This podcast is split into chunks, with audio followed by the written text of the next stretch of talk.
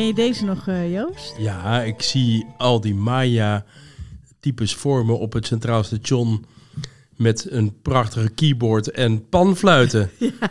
Zijn dat ze? Ja, ja, zoiets. Maar dit was de reclame van Nescafé. Ik denk oh, ja. uit, uit, wanneer was het? Jaren 80? Ik zal eens even kijken of ik Ja, en weet je nee, wie... 89. Weet je wie dat gemaakt heeft? Ilja Gort. Ja, van de wijnen. Van de wijnen, precies. Destijds was Ilja Gort nog een ontwerper en nu uh, zit hij in de wijnen. Dit was eigenlijk een hint naar het land wat wij uh, eindelijk weer na zoveel tijd dat we weer een uh, podcast uitbrengen. Excuses daarvoor overigens. Mm. maar naar het land wat wij deze week gaan behandelen, namelijk... Zeggen? Jij mag... Peru.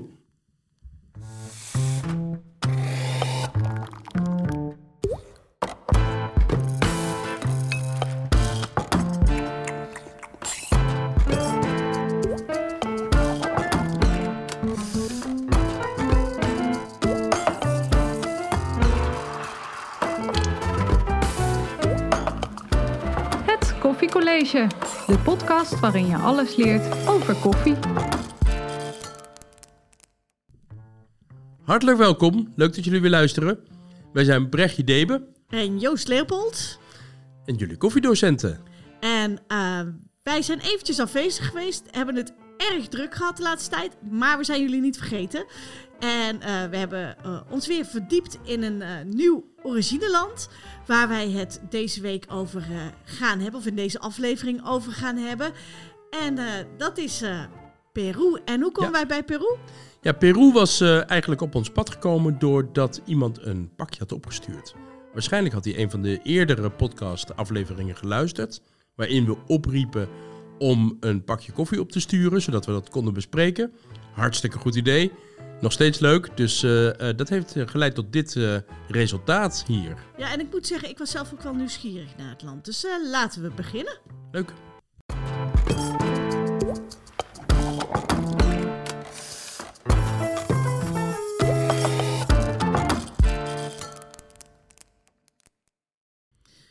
Terwijl Joost uh, koffie gaat bereiden, die wij dus hebben ontvangen. En dat is de Viva Clandestino. Um, uh, in ieder geval dat is het merk. En de koffie zelf is Peru Lupuna. Dat uh, is een van de cafés Del Peru koffies. Een bijzondere koffie. Ik ben benieuwd hoe die smaakt. Joost gaat er zo meteen misschien nog wel wat meer over vertellen. Um, maar ik ga in ieder geval eventjes een basisinformatie geven over Peru zelf. Peru is een land aan de westkust van Zuid-Amerika. En het wordt begrensd door verschillende landen, namelijk Ecuador, Colombia in het noorden. Brazilië aan de oostkant, Bolivia in het zuidoosten en Chili in het zuiden. En dan heb je ook nog de Grote Oceaan in het westen. De hoofdstad van Peru is Lima. En in Peru wonen ongeveer 27,5 miljoen mensen, waarvan, en dat is best een behoorlijk aantal, 45% inheemse bevolking. Nou, even wat geschiedenis. Voor de komst van de Spaanse veroveraars uh, was Peru het hart van het rijk van de Inca's. Uh, dat kennen wij ook wel. Heel veel mensen, in ieder geval die wel eens in Peru uh, op vakantie zijn geweest, hebben dan ongetwijfeld ook de Inca, even op de achtergrond de molen van de koffie. Ik zal Joost is koffie aan het bereiden. de Inca-trail gewandeld. Naar de Machu Picchu, een heel bijzonder ja, verborgen stad midden in de jungle. In ieder geval, hoofdstad van de Inca's destijds was Cusco. En tussen de verovering in uh, 17, 1572 en de onafhankelijkheid in 1821 werd het land door Spanje bestuurd. Vanaf die tijd werd Peru afwisselend door militaire en burgerregeringen bestuurd. Peru heeft drie landschapsvormen. De eerste is het Amazone-laagland, La Selva. Hier is het uh, tropische regenwoud uh, te vinden met hoge temperaturen boven de 23 graden en heel veel neerslag. Het regenwoud is verdeeld in laagland, dus onder de 700 meter, en het nevelwoud vanaf 700 meter. En het nevelwoud heeft een ja, echt typisch subtropisch klimaat met heftige regenbuien van november tot maart. Oftewel een heel nat en vochtig gebied. In de zomermaanden kent het regenwoud het meeste zon. Verder is het inderdaad vrij veel neerslag. De selva beslaat ongeveer de helft van de oppervlakte van het land. Maar minder dan 10% van de bevolking woont maar daar. Dus het is een enorm gebied. Maar een heel klein deel van de bevolking woont in La Selva. De tweede landschapsvorm is La Costa. Dat is het kustgebied. La Costa bestaat vooral uit eh, steen- en zandwoestijn, eh, de Atacama. En ligt ingeklemd tussen de Stille Oceaan en de uitlopers van de Andes. Het is hier fris, gemiddeld 14 graden, behalve dan in het noorden. De warmste maanden zijn in december, januari en februari en het regent daar gek genoeg bijna nooit. Tot slot is er eh, de La Sierra, het berglandschap, tussen de kuststrook en het oerwoud in. Het heeft een ontoegankelijk relief met lage of betrekkelijk lage temperaturen. Toch woonde hier van oudsher het grootste deel van de bevolking. Dat is wel minder geworden door de verstedelijking, maar het herbergt nog steeds circa 40% van alle Peruanen. En daarvan die zijn dan weer voor grotendeels uh, inheems Indianen. Hier zijn ook de warmste maanden, ook de regenmaanden. Dat is december tot en met april. Het hoogland van Peru is na het Tibetaanse hoogland de hoogste vlakte ter wereld. En daar ligt ook het hoogstgelegen bergmeer, namelijk het Titicaca-meer. Nou, dit is een beetje de omschrijving van Peru en een heel klein beetje van de historie van Peru. Maar je kan je voorstellen dat door deze verschillende, ja, vooral verschillende natuurgebieden, uh, krijg je ook verschillende soorten koffies. En daar gaat uh, Joost uh, nu wat meer over vertellen. Ik ben heel benieuwd. Joost is nu bijna klaar met het zetten van de heerlijke koffie, althans dat hoop ik. En uh, schuift aan om ons even wat meer te vertellen over de verschillende koffies die er te vinden zijn in de verschillende gebieden in Peru. Ja, de koffie uit Peru is heel erg gedifferentieerd. En dat maakt het heel spannend eigenlijk, de koffie uit Peru.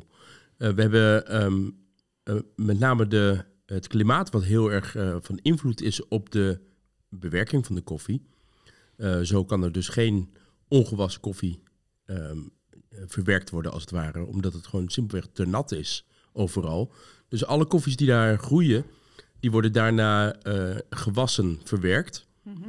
Dus je kan heel veel citrus verwachten in de. En heel veel fruitachtige tonen verwachten in de koffies die je proeft. En tegelijkertijd, omdat de koffie heel hoog groeit, heb je heel veel body in de koffie. en chocolade, noten, soms proef ik ook wel kruidige um, uh, smaken in de koffie terug. Dus het is een heel mooi, divers land eigenlijk, waar, waar de koffie vandaan komt. En groeit die koffie dan ook in alle, zoals ik al zei, ik had drie landschapsvormen aangegeven. Mm -hmm. Groeit die echt in al die gebieden? Want er is ook één gebied waar het bijna nooit regent. En dat is dan het, hoe heet het, zei ik net, het Costa-gebied, het kustgebied. Ja. Groeit daar, of, want ik had, ik had begrepen dat daar vroeger in ieder geval ook koffie groeide. Ik weet niet of dat nog steeds zo is, of dat daar, of dat daar alleen maar lokale, kwalitatief laagwaardige koffie van zit Nou, ik heb, ik heb hier uh, uh, wat in onderzoek uh, gedaan. En de, de meeste belangrijkste gebieden eigenlijk waar koffie vandaan komt, is het zuiden en centraal gedeelte van Peru. Ja. Uh, alhoewel het centrale niet echt hele spannende koffie oplevert. Mm -hmm. Maar het zuiden wel heel erg lekkere koffie oplevert. En wat heel bijzonder is, is ik dacht zelf dat koffie nooit hoger dan 2000 meter boven zeeniveau kon groeien. Maar in Peru is dus het uh, Titicaca-meer, ja. wat je al vertelde.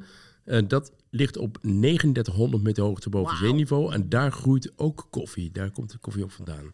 Dus extreme extreem citrusaciditeit en uh, ja. veel body dus. Dat is dus inderdaad dat, dat er is een beetje Tibetaanse hoogte, hè, waar dat, waar dat zo'n beetje... Ja, hè, zeker, zeker. Unbelievable. Ja. Echt, ja. ja, dus dat is heel mooi. En de, de soorten die daar veel voorkomen, ja, het is eigenlijk 100% Arabica koffie. Mm -hmm. alhoewel er is ook een koffiesoort die heet Catimor. En Catimor is een koffiesoort wat een hybride is. Eigenlijk een mengsel is tussen Robusta uit Timor en de Catura eh, uit eh, Midden-Amerika. Mhm. Catura is een Arabica. Dus de, ze hebben de Arabica ge- geënt, als het ware, op een Robusta-plant. Ja. Dus de, dus de Arabica heeft daarmee de kwaliteiten van de Robusta gekregen. Maar het mooie karakter, het mooie eh, smaakprofiel van de Arabica koffie. Klopt het dan ook dat deze, dat deze eh, variëteit of subvariëteit, dat Ja. deze ook extra sterk of weerbaar Ja, is? ja, zeker. Juist vanwege, eh, vanwege die Robusta is die veel meer eh, resistant, als het ware. Veel meer, kan veel beter tegen invloeden van buitenaf dan de Arabica koffie. Ja. Ja, zeker. Ik Maar weet, ja, de, de, de smaak van de Catimor is niet zo heel denderend. Eh, komt dat ook een beetje door die robusta? dat komt met name door de Robusta, precies. Het wordt, het wordt of heel zure koffie, of het wordt hele, hele houtige koffie. Mhm. En de Arabica, ja, de, de, eh, de andere soorten die er groeien, is met name Typica Mhm. en eh, Bourbon variëteiten. Dat zijn twee ondersoorten van de Arabica. En de Typica geeft de frisse koffie en de Bourbon geeft de zoete koffie, als het ware. Ja, Ja. dat is heel erg wat je daar veel tegenkomt. Ja. Dat is wel, eh, de, en, en dat zijn, eh hoe, heet het, hoe, hoe zijn die daar gekomen? Dat, dat, zijn, Ja, die zijn eigenlijk alle koffies over de hele wereld zijn min of meer verplaatst ja? naar de verschillende landen waar koffie nu groeit door de kolonisatie. Ze komen van- Spanjaarden waarschijnlijk. Ja, Spanjaarden, Nederlanders, eh, ehm, Portugezen enzovoort Mhm. enzovoort. Eh, alle koffie komt van oorsprong uit Ethiopië. Ja. Dus ook de typica die we kennen eh, als belangrijke koffiesoort en de bourbon komen van oorsprong uit Ethiopië. Ja. ja. Ehm, de typica was de eerste plant die meegenomen was door de Nederlanders naar Indonesië. Mhm. En de bourbon is de eerste plant die geplant is op een klein eiland bij Madagaskar. En daarna meegenomen naar Martinique. En zo in Brazilië terecht is gekomen. En op die manier, ik vertel het een heel kort verhaal, maar in andere podcasts eh, van ons, Ja. van het Koffiecollege, Ja. eh, vind je eh, veel meer achtergrondinformatie hierover. Ja. En breder uitgelegd dan wat ik nu vertel. Maar het, het komt door de kolonisatie dat de koffie daar terecht is gekomen. En wat maakt koffie uit Peru zo bijzonder? Nou, het is, eh, ehm, eh, ja, het is er wel mooi als je houdt van hele volle, stevige koffies. Kruidige koffies, chocolade, notenachtige koffies. Ja, dan, dan kan je daar tot je trekken komen. En, maar ook als je hele- van hele frisse, hoge aciditeit houdt in de koffie, dan vind je daar ook koffies vandaan. Ja. Dus het is eigenlijk een heel divers, mooi, eh, mooi gebied. Ik heb hier een heel mooi verhaaltje eh, over een eh, manier van verwerken, de natte verwerking. Dit is een koffie van, van een koffieinkoper Decide Up geheten. Mhm. Eh, die de koffie importeert van de Finca Churupampa. Eh, deze koffie zelf eh, heeft smaken van abrikoos, sinaasappel, suiker, custard. Ja, dat is van de vla. Mhm. Maar ook tonen van melasse, suikerriet, limoen en cacao. Ja. Ja, dus het is heel, heel divers eigenlijk en, en heel lekker. Maar het is een mooi verhaaltje over die verwerking. Hier zeggen ze, deze koffie is volledig gewassen en dubbel gefermenteerd. Met behulp van een handpulper, dat is een ontpulper waarbij de bessen als het ware ontdaan van hun velletje en de pitten eruit gaan. Maar dan met de hand. Worden, wordt de koffies Dat is zo'n ontpulpt. zo'n zo'n zo'n Ja, zo'n lier. je moet aan een lier, ja. draaien. Dan draai, draai je het twee walsen tegen lijkt een elkaar beetje in. op een je Precies, ja. Maar, oh ja, ja. En bij gehaktmolen doe je bovenin het vlees en onderin komt het gehakt eruit. ja, maar dit is... Hier doe je bovenin de bessen en de- en onderin komen de pitjes ja, eruit. ja. Ehm, goed. Eh, met behulp van die handpulpen worden koffies ontpulpt en gefermenteerd in betegelde tanks. tanks. Dus je moet je voorstellen een, een badkuip, een diepe badkuip die helemaal betegeld is. ja. Gedurende 12 tot 24 uur, afhankelijk van het weer.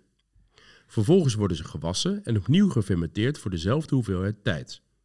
Koffies wordt, worden vervolgens opnieuw gewassen en gesorteerd in kanalen. Eh, dat kanalen, eh, leuk om uit te leggen, is dat als je als koffie gefermenteerd in water is, wordt, wordt daarna gaat de schuif open en gaan alle boontjes door kanalen worden ze eh, min of meer vervoerd. En die kanalen bevinden zich steeds trapsgewijs, als het ware, van hoog naar iets lager, dan weer iets lager, dan weer iets lager. hoe lager boontjes uitkomen, hoe lager de kwaliteit van die boontjes zijn. Oké. Ik zeg het Nee, verkeerd. Andersom. Eh, nee, nee, nee. Ehm, het is namelijk zo dat eh, met iedere traptreden, als het ware, is een damwand onder water geplaatst. Ja. En als boontjes zakken naar de bodem, dan blijven ze liggen achter die damwand. Alle boontjes die dus verder drijven, Oh ja. die zijn dus lager in gewicht en daarom drijf- lager in kwaliteit. Ja, dus de drijvers de drijvers, precies. zijn slechter van kwaliteit. Ja. En niet de sinkers. Precies, en de zinkers zijn zwaarder in kwaliteit, beter in kwaliteit. En die zinken dus als eerste naar de bodem. Dus je krijgt vier verschillende stadia als het ware. En de eerste stadia is het beste en de vierde is het le- slechtste. Oké. Ehm, dus dat, eh, dat is het sorteren in kanalen. Koffiebonen in hun perkamentlaag, ook wel bekend als de zaadrok, wordt gedroogd op verhoogde bedden, bedekt met plastic. Nou, je moet weten dat in Zuid-Amerika is het heel normaal om koffie te drogen op een patio. Een patio is een grote betonnen plak eh, grond, als het ware. Ja. Gewoon een binnenplaats. Een binnenplaats. En als de bonen daarop liggen, dan is er ook risico dat daar dieren overheen lopen, de kippen overheen lopen en die poepen natuurlijk. Dus eh, enzovoort. Je kan je voorstellen dat het hele vieze koffie kan opleveren. Dus als de koffie op een verhoogd bed als het ware staat, en dat is een tafel, moet je zien als een lange tafel, waar het niet een plank is waar het op ligt, maar waarbij het netten zijn waar de bonen op liggen, zodat de luchtstroom van boven en onderen kan gaan. En op die manier eh, krijg je dat de bonen beter, makkelijker en eh, eh, ook zuiverder gedroogd worden. Deze droogtechniek is absoluut noodzakelijk om de zware regenval en de hoge luchtvochtigheid die de oogstmaanden in Chirinos kennen, eh, kenmerken tegen te gaan. Ja, ze hebben dus een plastic wat ze over die boontjes heen leggen, zodat de boontjes beschermd worden tegen de regen. Maar is dat dan ook niet heel erg slecht? Want die boontjes zelf hebben ook vocht. Ja. Dat dat, gaat dat niet schimmelen onder het Nee, plastic? doordat het dus eh, eh, op die roosters ligt als het ware, krijg je dus een luchtstroom van onderaf. En daardoor krijg je, eh, voorkom je overfermentatie. Oké. Dus dat is over deze koffie. En eh, ik heb zelf een interessant filmpje gezien over deze verwerking. Ehm, dan moet je kijken op Café Imports. Dat, eh, We kunnen de link wel in de show notes eh, erbij zetten, denk ik. En daar kan je precies ook zien hoe op die organische farm de koffie wordt gefermenteerd. Dat is erg leuk en interessant en leerzaam. Uh, over uh, organic uh, gesproken, en dat is misschien wel een interessant bruggetje. Uh, wist jij dat uh, er in Peru, uh, in ieder geval qua oppervlakte, het ja, percentage oppervlakte van alle koffie die verbouwd wordt, heeft Peru het grootste percentage aan organic koffie ten opzichte van alle koffie die er in dat land verbouwd wordt. En dan het grootste percentage in de hele wereld. Wauw. En dat komt deels omdat ze er uh, bewust mee bezig zijn. Maar het, het, rare is eigenlijk dat organic farming is best ingewikkeld. Als jij een organic, uh, als boer uh, organic wil farmen, dus biologische farm wil, uh, plantage wil hebben, dan moet je minimaal drie tot vijf jaar, moet jij inderdaad echt volledig zonder pesten, chemische bestrijdingsmiddelen hebben gewerkt. Dus de grond moet drie tot vijf jaar ligt er een beetje afhankelijk van letterlijk de certificering die je zou willen krijgen. Maar uh, uh, je moet drie tot vijf jaar organic bezig zijn voordat je daadwerkelijk jezelf organic mag noemen. En dat maakt het voor meeste uh, ja, koffieboeren heel ingewikkeld, want dan moeten ze een hele uh, plantage renoveren en ombouwen, nieuwe planten neerzetten, wennen aan een organic systeem, zou ik maar zeggen. Dus aan biologische bestrijdingsmiddelen. Maar uh, in Peru is het zo, en dat is eigenlijk een soort van ja, een, een res resultaat van negatieve omstandigheden. Is dat heel veel koffie wordt verbouwd door de inheemse bevolking. Ik gaf al aan, een heel groot deel van de, van de Peruanen leven uh, in, in, inheemse gebieden, afgelegen gebieden. Mm -hmm. En die verbouwen van oudsher uh, al de koffie organic. En die zijn zo arm dat ze ook geen geld hebben gehad voor chemische bestrijdingsmiddelen. Dus die gebruiken al van oudsher traditionele uh, verbouwingsmethodes die eigenlijk van nature al organic zijn. Dus daarom is de kans dat je uit Peru organic koffie krijgt, is vrij groot. Uh, het is ook voor die boeren, hè, ze leven in afgelegen gebieden. Het is moeilijk om daar uh, uh, spullen naartoe te vervoeren, et cetera. Dus het is, ja, dat is de reden waarom eigenlijk alles op een hele mooie traditionele manier, dat ze daar op traditionele manier te werk gaan. En het dus ook makkelijker is, ja makkelijk, bedoel, ze moeten de nog wel een certificering krijgen, maar je kan, ja, je kan, als je een koffie uit Peru haalt, dan is de kans vrij groot dat die organic is verbouwd ook al heeft hij geen label, want het is nou eenmaal door, een, eh, door, door, door de inheemse bevolking uh, uh, verbouwd. Je vertelt dat er verschillende alternatieve methodes zijn om ongedierte tegen te gaan. Heb je daar voorbeelden van? nou ja, eigenlijk in principe, kijk wat zij doen is, ze hebben een hele, de, de koffie wordt verbouwd in een hele, ja, zo een, pre, een permacultuur. Dat betekent dat het een permanente natuurlijke omgeving is die elkaar in stand houdt. Dat betekent dat er een grote diversiteit is Mhm. aan ja, biodiversiteit is. Dus veel vogels, veel insecten, et cetera. En die zorgen er dan ook weer voor. Hè. De vogels eten de insecten. De insecten, eh, de, de, uitwerpsel van de vogels, dat is weer een, een natuurlijke bestrijdingsmiddel. Dus Ja. het, het, het, het, het hele systeem is eigenlijk al, zit al heel natuurlijk aan, me- aan elkaar vast. Eh, het is wel Maar dat zo. is anders dan andere landen dus. Nee, dat is in principe niet anders dan andere landen. Maar eh, ze gebruiken. eh, eh, de omgeving is, is altijd hetzelfde gebleven. Mhm. Kijk, heel vaak is het zo, en dat, zie- dat zie je in Peru ook hoor, dat er regenwoud gekapt is. Daar is vervolgens een plantage op gezet. In, de open, in die open air, dat zie je heel veel in Brazilië bijvoorbeeld. Volledig blootgesteld aan het zonlicht en geen boom meer omheen. Maar dat betekent dat als je de bomen weghaalt, dan haal je ook alle beestjes en alle, Ja, alle tuurlijk. natuurlijke de bladeren, als, et cetera, weg. Klinkt als Rainforest Alliance, of niet? Eh, ja, Rainforest Alliance is een, eh, is een, eh, is een, een, een certificeringssysteem. En Mhm. Rainforest Alliance zorgt er wel voor dat heel veel plantages weer in de natuurlijke omgeving worden hersteld. Ja. Dus die zijn heel veel bezig met, zoals ze dat noemden, agroforestry. En agroforestry is eigenlijk de plantage terugbrengen naar de natuurlijke omgeving. Nou, de natuurlijke omgeving is van oorsprong het regenwoud of de wouden Ja. in Ethiopië. Een koffieplantage gedijt het beste binnen eh, in een omgeving waar ook andere bomen en planten en, en, en dieren aanwezig Ja. zijn. Omdat je daarmee een soort natuurlijke cyclus van bestrijdingsmiddelen en ook eh, eh, hoe heet het, gezonde, voedzame grond creëert. Het andere bomen houden water vast. Mhm. Je krijgt een goede CO2-opname, et cetera. Dus het is allemaal, het, het is allemaal veel. ehm, ehm, je- het, het is een soort levenscyclus die, Ja. die op één plek eh, tot stand wordt gebracht. En dat is.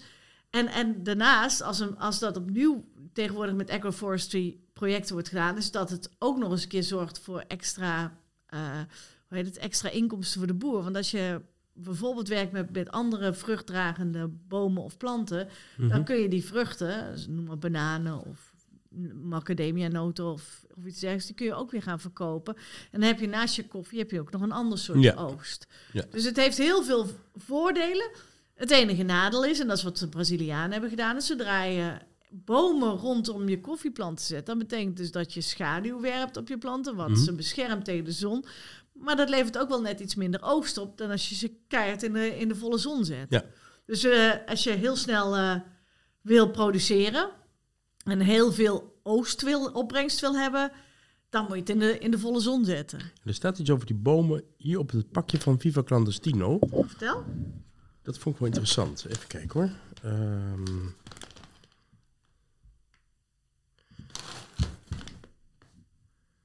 Er stond iets op. Oh ja, hier. Ja, precies.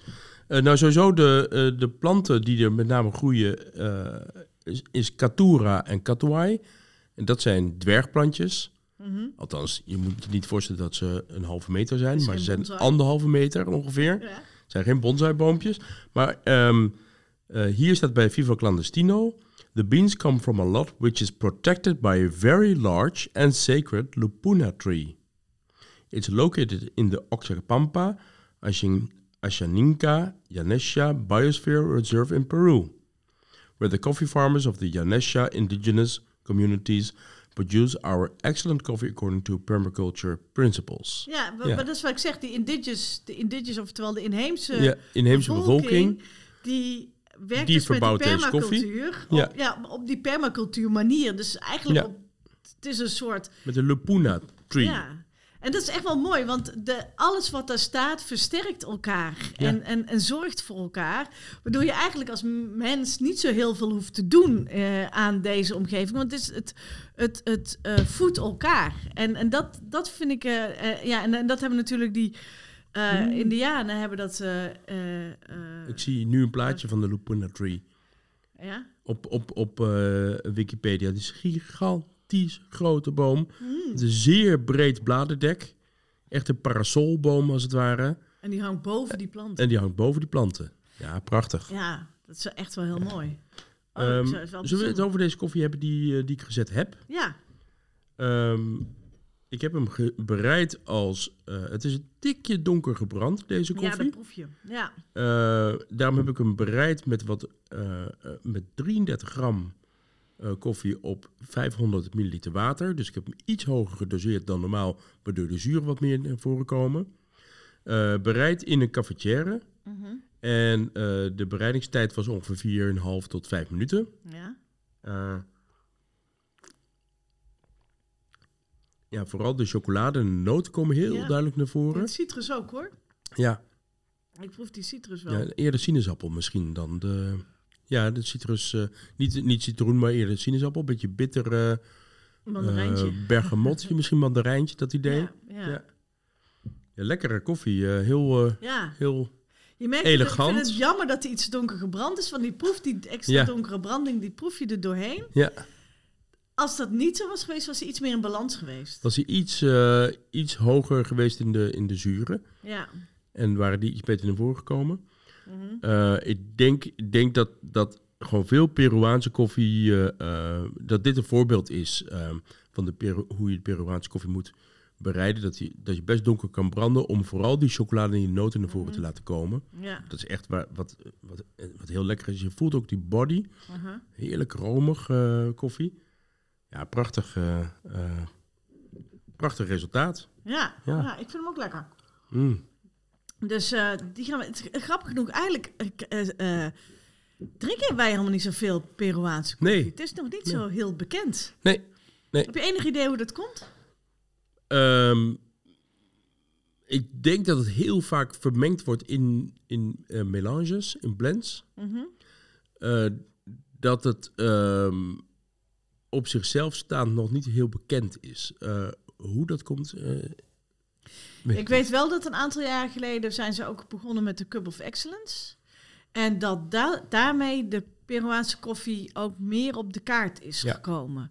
Omdat daaruit eh, echt hele goede koffies tevoorschijn kwamen.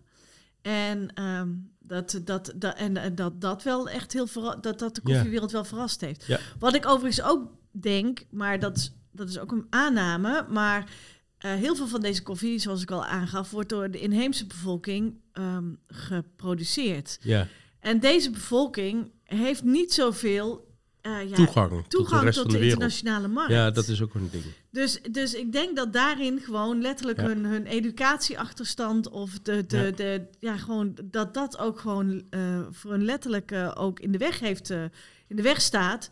Dus het is juist heel mooi om dat te stimuleren en om te werken met, net zoals deze, met speciale projecten met, met Peruaanse stammen. Koffie, zou ik maar zeggen. Precies. Wat overigens ook wel nog een ander ding is, wat ik ook wil vermelden, is dat er zijn natuurlijk. Ja, het klinkt allemaal heel mooi dat ze allemaal organic farming doen, maar er zijn natuurlijk heel veel uitdagingen ook aan die organic farming. Vooral inderdaad dat klimaat, wat Mhm. heel vochtig is, maar ook schommelend is en in één keer heel droog is. En, en eh, Ja. ze hebben daar ook heel veel last van de klimaatverandering. Ja. En daarmee ook heel veel last van ongedierte. Ja. Ze gebruiken dus geen chemische bestrijdingsmiddelen, maar de, de, de beestjes en de ziektes, die zijn als een soort legertje aan het, eh, eh, de berg op aan het, eh, aan het kruipen. Mhm. Wat, wat ook de reden is dat er die, wat zei je nou, die, ka- die variëteit, die, ehm, die, eh, Ja, Katura? die Catura variëteit, dat die steeds vaker gebruikt wordt. Oh, de Catimor. de Ja. variëteit. Dat die steeds vaker gebruikt wordt, Ja. omdat die meer cafeïne bevat om die beestjes Ja. eh, weg te jagen, Ja, ja, als het zeker. ware. zeker. En- Cafeïne is natuurlijk pesticide, dus... Ja. eh, Ja. En wat ook een ding is wat heel erg speelt en waar de regering eh, ook actie op onderneemt, is dat heel veel jonge mensen trekken naar de stad. Of, en dat zie je, het grenst aan Colombia. En Mhm. daar hebben ze hetzelfde probleem als in Peru. In, ook in Peru wordt heel veel coca verbouwd. Dus er komt ook heel veel cocaïne ja, uit Ja, Peru.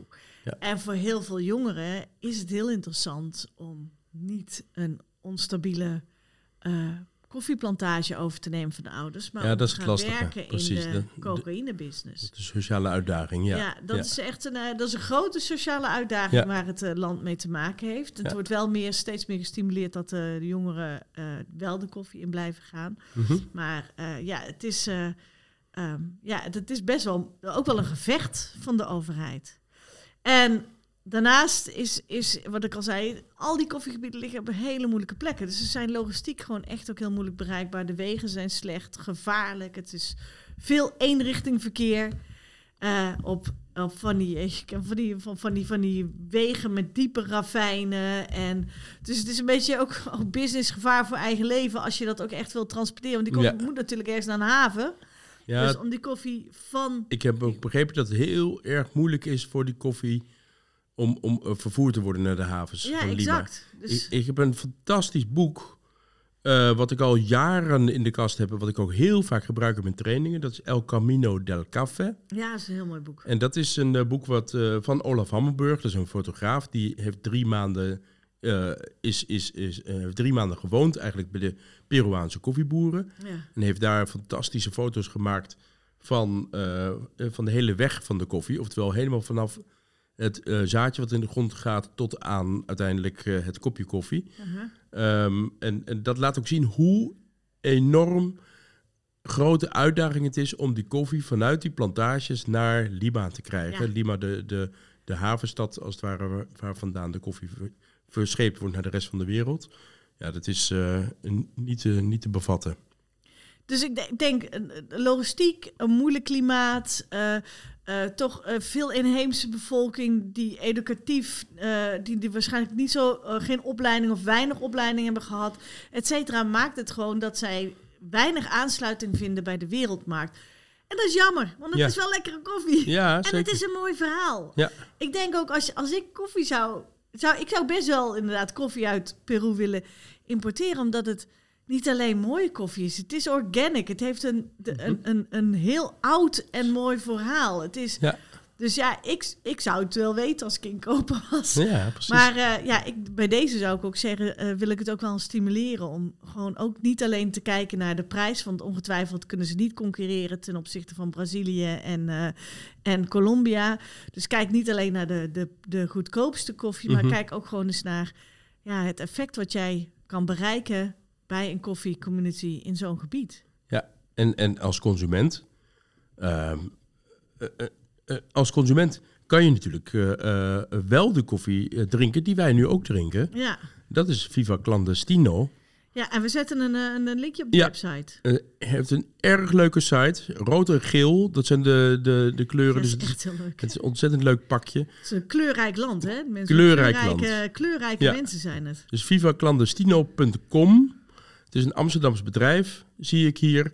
Eh, en ehm, eh, ja, ze vinden het belangrijk dat de permacultuur blijft. Dat er, dat er aandacht voor de aarde is, aandacht voor de mensen en, en aandacht voor eh, eh, dat iedereen er goed aan verdient. Ja.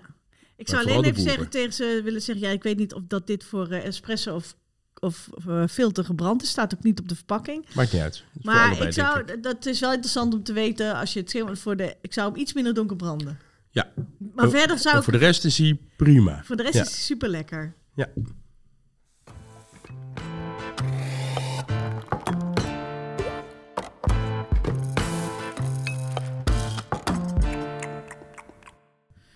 Zo, dit was weer eh, lekkere koffie uit eh, Peru. Ja. Eh, wij En gaan mooie ons- verhalen uit Peru. Ja, en een mooi verhaal. En, Peru. en, en eh, alle aandacht voor Peru vanwege die pracht, dat prachtige land en mooie koffies die Ja. er vandaan komt.